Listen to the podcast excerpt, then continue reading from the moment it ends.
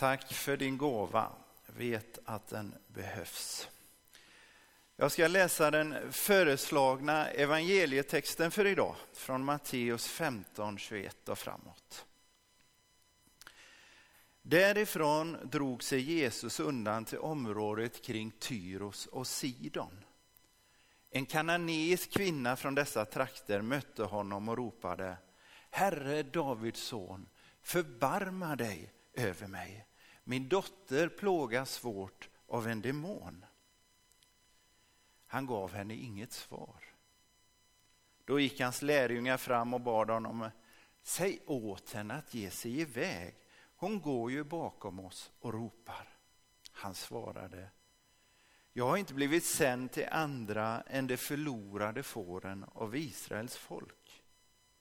Men hon kom och föll ner för honom och sa, Herre, hjälp mig. Han svarade, det är inte rätt att ta brödet från barnen och kasta det åt hundarna. Nej, herre, svarade hon. Men hundarna äter ju smulorna som faller från deras herras bord.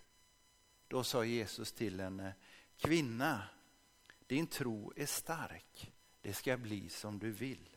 Och från den stunden var hennes dotter frisk.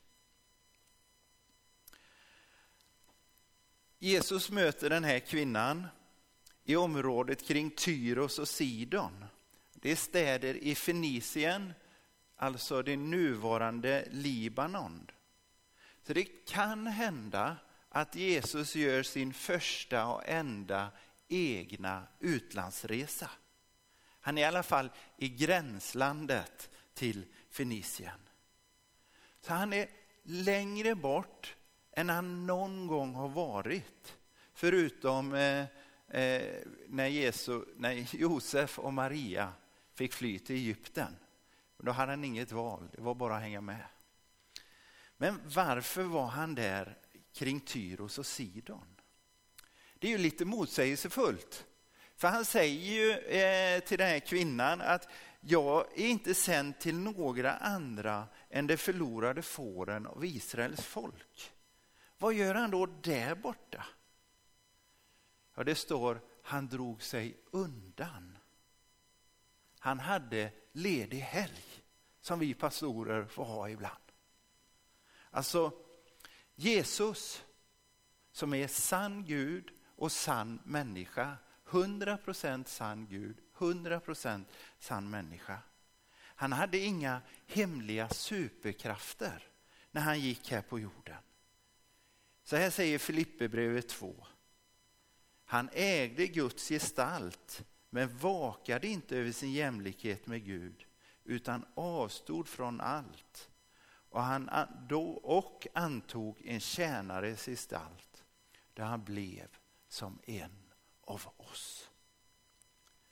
Alltså Jesus avstod sin jämlikhet från Gud. Han, han var som vi. Han levde under samma be, mänskliga betingelser som vi. Han behövde äta, han behövde sova, han behövde vila. Han kunde inte vara på två platser samtidigt. Och han var utsatt för samma frestelse som vi. Men nu så har han ledig helg. Och då har han behövt dra sig undan. Men är det inte typiskt? Då kommer en kvinna som inte har samma bekännelse till Gud som Jesus och judarna har och ber om hjälp. Men är det, är det därför han är så avvisande? Dels för att hon inte är judisk och dels för att han är ledig. Jag menar lärjungarna de tycker, kör bort henne. Hon är ju bara ett störningsmoment. Men hur ska Jesus ha det egentligen? Här säger han, jag är bara sänd till Israels folk. Och så säger han i Matteus 28, går ut och gör alla folk till lärjungar till mig. Hur ska han ha det? Och för två söndagar sedan så pratade jag om den bibliska fastans principer, så det, du, du har lite rätt Anna-Helén. Eh, och, och, den principen är att, att avstå från någonting som i sig är gott. för att ge plats för något som är bättre. Du kan lyssna på den på hemsidan om du, om du missade den. Att avstå något som är gott för det som är bättre. Det är det Jesus gör när han svarar kvinnan att han är enbart sänd till Israels folk. Och ännu mer, han säger nej till en frestelse. I Matteus 4, vi läste det också eh, för två veckor sedan, så fastar Jesus. Han, han, han skapar alltså ett ledigt utrymme. Och då frestas han av djävulen att fylla det. I vers 8 så, så står det, nu tog djävulen honom med sig upp på ett mycket högt berg och visade honom alla riken i världen och deras härlighet och sa, allt detta ska jag ge dig om du faller ner och tillber mig. Alla riken i världen, det är ju Jesu mål. Alla lärjungar. Men det är just därför det är en så stor frestelse. Just för att det handlar om Jesu mål, att göra alla folk till lärjungar. Problemet är att det är en genväg. Ni vet vad man säger, genvägar är senvägar. För det är en genväg som skulle hamnat i en gigantisk återvändsgränd.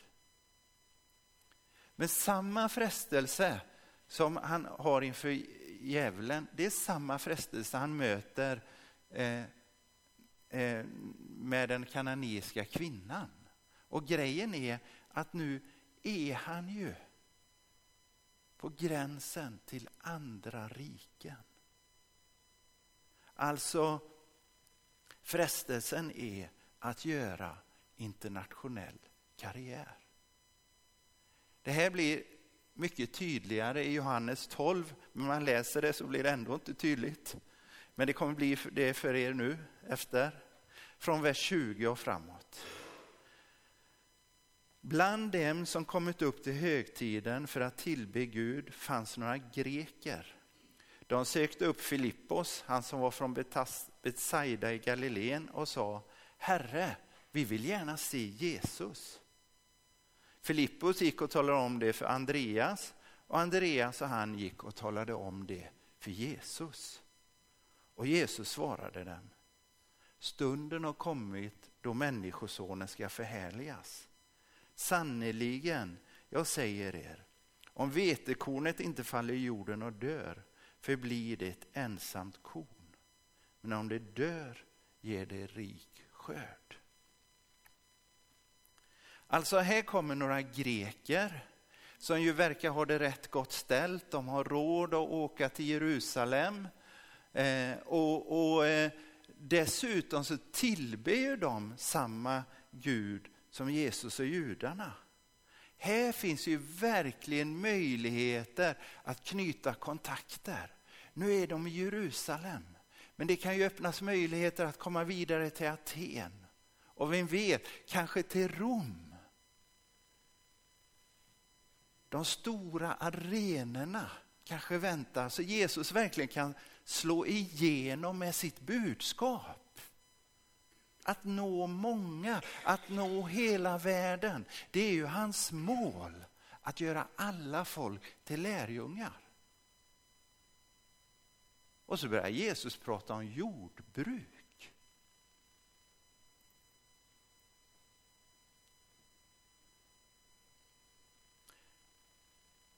Det Jesus säger det är om jag skulle möta de här grekerna och sen gå vidare. Om jag skulle göra internationell karriär, då förblir jag ett ensamt korn. Visserligen verkar ju allt gå förlorat när vetekornet faller i jorden. Det är slut. Det blir inget mer.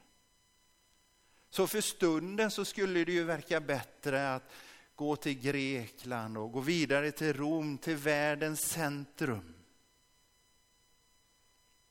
Men det skulle bli en ofantlig motgång i längden. Han skulle förbli ett ensamt korn. Alltså Jesus avstår från något som i sig är gott för någonting som är viktigare.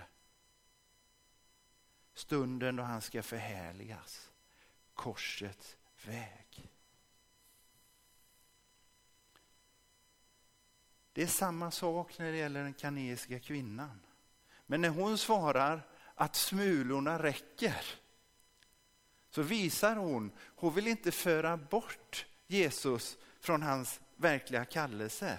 Utan hennes tro och förtröstan på Jesus öppnar för ett gudsingripande som inte för bort Jesus från hans kallelse. Jesus ändrar ju bokstavligt talat inte sin väg. Hans, hennes dotter blir ju distanshjälpt där hon är.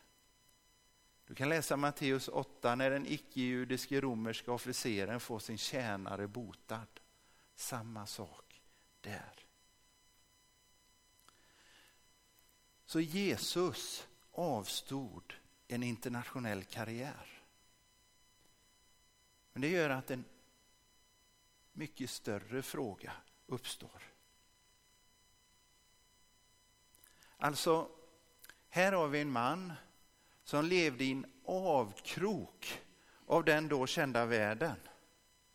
Som kom från en högst oansenlig familj. De var ingenting. Och som under sin livstid rörde sig inom ett område som inte är större än Småland.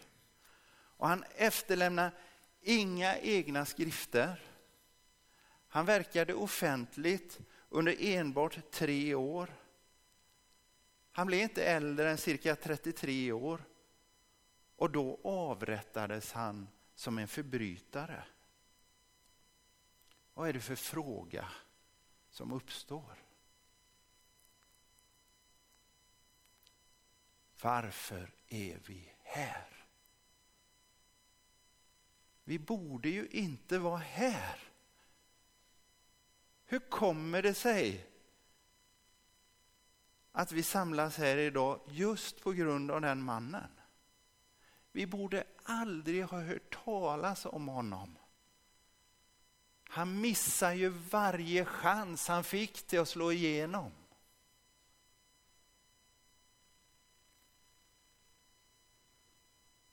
Och det är inte bara vi. Det är miljoner och åter miljoner och åter miljoner människor som den här dagen, Jesu uppståndelsedag, samlas i hans namn. Hur är det möjligt? Jo, för att vetekornet föll i jorden och dog och gav rik skörd. Han dog och han uppstod. Alltså om Jesus inte gjorde det, vad hände istället? Vad hände istället? Jesus gick korsets väg för den kananiska kvinnans skull, för grekernas skull, för din och min skull, för alla människors skull. Och en av dem är Malina Arp. Likt den kananeiska kvinnan hade hon inte någon bekännelse till Gud, men hon var högst medveten om att det finns andliga verkligheter. Och allt det jag säger nu är snott från dagen, men du kan, du kan läsa det mycket mer där, för jag koncentrerar det väldigt. Men Malina som är 32 år idag, hon, praktiskt taget föddes in i i nyandligheten. Så småningom hamnade hon på ett nyandligt center i Värmland och där prövade hon precis allt som fanns. När hon var 21 startade hon en spirituell yogabutik där andliga böcker och attiraljer såldes. Hon kände varken till Jesus eller att kristna gemenskaper existerade. Hon kom väldigt djupt in i nyandligheten. Hon började med något som kallas för TNT. Och vet du inte vad det är så är det bra. Men det står för the new tantra. Och där blandar man sex och andlighet och droger. Och Malina säger det är den sämsta kombon du kan hitta. Hon reste runt i världen och praktiserade TNT. Hon var i Mexiko. Men det hände någonting. Så Malina upplevde det som det var som en eldboll som spred sig genom hennes kropp. Hon sa jag var tvungen att bara avbryta prompt. Men elden fortsatte och jag blev supersjuk och kräktes så jag fick hög feber. Var yr och svimmade. Jag trodde jag skulle dö, så kändes det. Några av de assisterande lärarna skaffade fram medicin och Malina såg hur rädda de var. De var desperata. Men då, säger Malina, då bad jag till Gud och jag blev bättre direkt. Och jag kortar ner det, men hon fortsatte ändå med TNT. Hon säger nu när jag blir kristen jag har förstått att det som är det farligaste där är bönen. För vi bad till vilka andar som helst som ville vara med och leka. Det är det farligaste man kan göra. Om du kallar på grejer som flyttar in i dig så bär du ju med dig, dig sedan, säger Malina. Hon kommer tillbaka till Sverige så småningom och, och eh, då kraschar hon totalt. Då söker hon sig till tolvstegsprogrammet. Det har kristna rötter genom anonyma alkoholister. Men det är vanligt inom nyandligheten eh, att, eh, för människor när de vill förbättra sitt mående.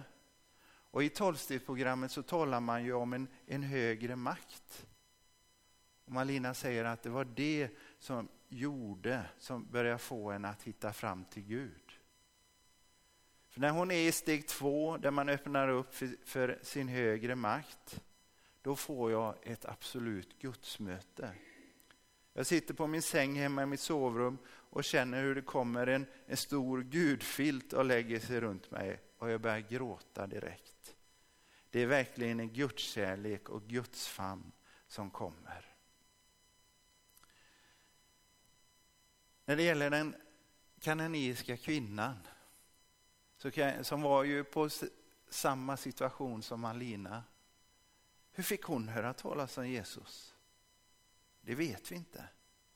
Men på krokiga vägar så, så börjar Malina att eh, nå dit. Men det tog säkert ett år innan hon besökte en kyrka. Hon hade inga kristna vänner och hon kände ingen som gick i kyrkan. Så idag kallar hon frikyrkan för Hemliga klubben. Hon säger att om hon bara hade vetat det hon vet nu om Jesus så hade det besparat henne tio år av lidande. Men i hennes närhet fanns ingen som berättade om sin kristna tro. Ingen. Men efter den här upplevelsen i tolvstegsprogrammet och så småningom då, ett år tar det, så börjar hon gå i kyrkan. Eh, hon kommer till Pingstkyrkan och under lovsången så upplever hon den heliga Andes närvaro. Hon upplever att hon får en relation med Anden. Och efter att ha framme på för, vid förbön så, så blir hon fylld av anden och känner som att det är något mörkt som lämnar henne. Hon får också en, en kristen mentor, en äldre dam som heter Annika. Man kan tycka att hon är framme, men hon är inte det. Det är en pusselbit som, som fortfarande saknas. Och I ett samtal är Annika försiktigt ifrågasatt en yogabild som man, Malina lagt upp på sina sociala medier så bestämde sig Malina för att eh, googla på den här kombinationen mellan yoga och kristendom. Och då fick hon ett vittnesbörd av en, eh, höra ett vittnesbörd av en amerikansk eh, kvinna som lämnat nyandligheten och funnit Jesus. Och hon kände igen den här kvinnan för hon hade sålt hennes tarotkort i, i sin butik. Och den här kvinnan eh, förklarade bakgrunden till olika andliga metoder. Och då, där, så möter Malina Gud i sitt vardagsrum. Jag blir bara översköljd av kärlek och allt gammalt bara rinner av mig. Plötsligt bara vet jag en massa saker som jag inte ska göra längre. Och jag förstår att jag måste rensa mitt hem från alla kristaller och nyanliga prylar och böcker som jag har hemma. Jag slänger säkert saker för 50 000. Jag börjar storgråta och jag förstår hur mycket Gud verkligen älskar oss. Hennes andliga kamp är inte över med det. Det, det är, eh, är, fortfarande, du kan, du kan läsa mer om det i den där artikeln. Men idag så är Malina döpt och hon har ordnat en alfakurs. Var? I Molkom. I Molkom. Reporten frågar efter alla år av andligt sökande så har du funnit Jesus. Hur vet du att det inte bara är en ännu en grej i raden? Jag har ju fått ett jättestort gudsmöte, säger hon. Du förstår, när Gud står i ditt vardagsrum så tvivlar du inte. Hon har, har den här alfakursen i Molkom ihop med 30 vänner eh, och, och, fler kristna som är med. Och om ni undrar om det här är sant så fråga Karin och Gunnar Bjurbäck som kommer från Molkom. De är mina vittnen. Stämmer det? Det stämmer, precis. Så för att gå ner, ner för landning, om vi ska summera det vi har hört, vad ska, vad ska vi ta med oss här och nu? Ja, för, det första, de av oss, jag är en av dem som är med i hemliga klubben, frikyrkan. Vad ska vi, vad ska vi ta med oss? Alltså, en stor del av vår självbild är att vi lever i världens mest sekulariserade land där Gud inte får plats. Där människor inte är intresserade av Gud. Och det, det begränsar ju vår frimodighet att säga att jag tror på Jesus. För det, det stämmer. Vi lever i världens mest sekulariserade land. Men det är inte hela sanningen. Och den minskar i omfång. Alltså det, det sker en rörelse bland människor i nyandligheten som kommer till tro på Jesus. Och jag möter människor som Alina som har en tro på en andlig verklighet som är, är, är verkligen sökare. Men man vet inte vem Jesus är. Eller så tror man att man vet något. Vi pratar människa, ja men får jag komma, hur är det? Jag svär ju. Eller får jag komma till kyrkan? Hemliga klubben.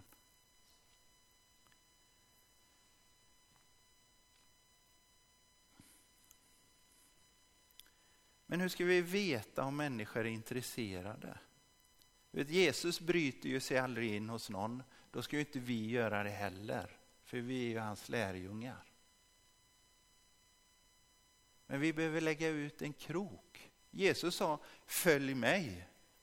Och han gick före, så han, han har ju på ett sätt ingen koll om människor verkligen följde honom. Det, det är frivilligt. Om du tror på Jesus så behöver du lägga ut en krok och inte här inne. Jag höll på att säga att det är kasta pelle för svin, men det, så är det inte. förlåt, förlåt. Utan där du är i din vardag. Om du tror på Jesus så, så be om tillfällen och kasta ut en krok. Det kan vara bara så här, jag tror faktiskt på Jesus. Och nappa det så nappa det. Min dotter har gått på en teaterskola där inte så många har varit kristna och de, de bara suger åt. Är du kristen? Vad innebär det? Berätta. För människor vet inte idag. Men nappar man så nappar man och nappar man inte då respekterar man det. Vi vill ha inga idioter.